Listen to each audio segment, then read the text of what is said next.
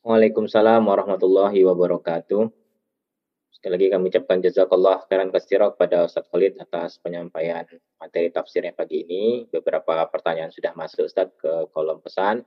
Yang pertama, kaitannya dengan tuduhan itu ya. Sejarah membuktikan bahwa tuduhan kepada Nabi dan Rasul itu terus terjadi dan di sekarang pun dakwah pun mengalami banyak tuduhan. Nah, sebenarnya bagaimana sikap uh, terbaik kita terhadap banyaknya tuduhan-tuduhan terhadap aktivitas dakwah ini Ustaz?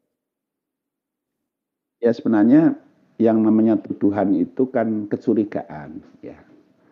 Nah, kecurigaan itu disebabkan karena kekhawatiran mereka terhadap kekuasaannya. Nah, bukan eh, jadi mereka tidak secara jernih melihat dakwah ini sebenarnya untuk apa gitu. Nah, karena itu sebagaimana para nabi dan rasul mereka itu juga menunjukkan kepada kaumnya bahwa dakwah mereka itu sebenarnya hanyalah mengajak kepada nilai-nilai kebenaran yang akan membawa kebaikan kepada seluruh umat manusia termasuk mereka para penguasa itu. Nah, ini yang sering kali tidak jadi para penguasa itu karena karena apa ya? memiliki apa asumsi awal yang salah ya Nah, sehingga kadang-kadang sudah tidak objektif lagi untuk melihat apa sebenarnya yang dimaui oleh para nabi, para rasul itu. Jadi mereka yang penting menolak saja. Karena mereka lebih memegangi kekuasaannya itu dengan kekhawatiran kekuasaan mereka ini akan digoyang oleh para nabi dan rasul itu. Padahal para nabi dan rasul datang bukan untuk itu, tetapi untuk meluruskan mereka dengan ajaran-ajaran yang benar untuk kebaikan mereka sendiri. Gitu. Nah, para nabi dan rasul itu sudah memberitahu kita contoh-contoh bagaimana seluruh sikap bijak mereka untuk mengajarkan nilai-nilai kebenaran itu. Gitu. Nah, sehingga memang eh, dengan cara-cara yang bijak itu pun ya, itu tidak seluruh mereka bisa menerima.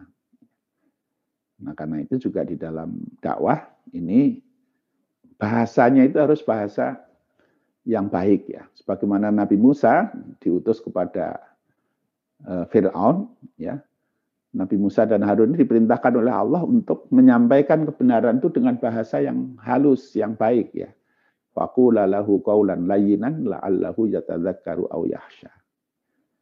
Jadi katakanlah kepada Fir'aun ini oleh kalian Musa dan Harun qaulan layyinan kata-kata yang lembut ya. La'allahu yatadzakkaru aw yahsya nah mudah-mudahan dengan kata-kata yang lembut itu akan membuat mereka itu mau mengambil pelajaran dan kemudian memiliki rasa takut kepada Allah Subhanahu wa taala.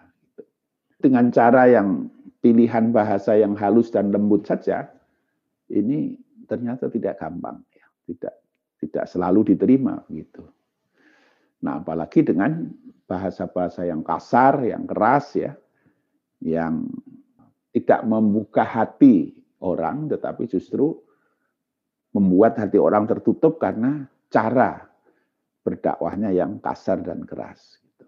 Nah itu sesuatu yang perlu kita perhatikan ya. Jadi kalaulah dua orang nabi yang namanya Musa dan Harun ini nabi, dihadapkan pada Fir'aun yang mengaku sebagai Tuhan, itu pun diperintahkan untuk fakulalahu qaulan layyinan la'allahu yatadzakkaru aw yahsya. Maka bagaimana kalau seorang dai yang bukan nabi, bukan rasul, kita dai biasa-biasa saja, manusia biasa, yang kita dakwai juga orang yang tidak sampai sekelas Fir'aun, tetapi yang digunakan kata-kata yang kasar. Ya. Nah, ini jauhlah dakwah itu akan sampai kepada mereka kalau cara seperti itu yang diambil. Nah, karena itu mestinya kita ini harus mengambil ya cara yang hikmah dan mau itu hasanah dalam rangka kita memberikan nasihat kepada siapa pun dari masyarakat kita. Nah, ini dicontohkan oleh seluruh nabi dan rasul. Wallahualam. Baik, terima kasih. Pertanyaan berikutnya, Ustadz bagaimana mengalahkan sihir-sihir pada zaman sekarang, untuk meyakinkan mereka bahwa itu adalah bukan yang diajarkan Allah. Dengan hujah-hujah dalil mereka tidak mau bertaubat. Kalau zaman Nabi Musa kan Nabi Musa mengeluarkan kemampuannya dengan mukjizatnya. Kalau zaman sekarang sudah didalilkan tidak ber, tidak mau taubat bagaimana ikapinya Ustaz? Kalau sihir zaman sekarang itu apa misalnya? Saya juga nggak tahu, saya belum pernah ketemu sihir kalau, zaman sekarang. Kalau Al-Quran ini, Al-Quran ini datang pada zaman yang sebenarnya orang sudah tidak terlalu terikat kepada sihir-sihir itu. Tetapi orang sudah cenderung kepada rasionalitas, cenderung kepada keterbukaan terhadap informasi baru, terhadap fakta-fakta baru, kebenaran-kebenaran yang konkret gitu ya. Nah, Islam itu hadir tidak lagi dengan mengalahkan sihir-sihir, tetapi Islam itu hadir dengan membawa bukti-bukti kebenaran. Nah, karena itu kita lihat di dalam ayat-ayat Al-Quran itu terdapat bukti-bukti kebenaran yang secara ilmiah itu diakui oleh zaman ini gitu. Dan banyak sekali tokoh-tokoh ilmuwan-ilmuwan di zaman ini yang mereka beriman karena mengakui kebenaran yang ada di dalam Al-Quran itu. Jadi bukan eranya lagi ini Al-Quran jadi ayat-ayat sihir ya. Beberapa ayat dibaca terus jadi apa gitu ya. Kemudian nanti orang beriman. Tidak ada yang begitu. Tidak ada yang begitu. Al-Quran ini hadir sudah dengan zaman kita yang penuh dengan kecerdasan, kemampuan-kemampuan ilmiah ya. Dan Al-Qur'an hadir dengan tantangan-tantangan keilmuan yang seperti itu. Nah, karena itu saya tidak tidak pernah melihat ya, tidak ada kisah bahwa orang mau beriman karena Al-Qur'an ini mampu mendatangkan sesuatu yang mengalahkan sihir mereka. Jadi kalau ahli sihir ini ahli ahli ahli zaman sekian lah gitu ya. Itu zaman Bahaula. Ya kalau masih ada sekarang itu ya itu sesuatu yang sudah ketinggalan zaman. Allah alam. Mudah-mudahan apa yang dikisahkan oleh Allah di dalam kisah Nabi Musa ini memberi kita sebuah gambaran tentang karakteristik dari dakwah. Jadi pertama bagaimana seorang dai seharusnya itu memberikan ajakan kepada matunya. Yang kedua, bagaimana kadang-kadang matu itu bersikap terhadap para dai. Dan yang ketiga ya karakteristik dakwah itu dia akan berhadapan dengan tantangan-tantangan di dalam masyarakat seperti itu.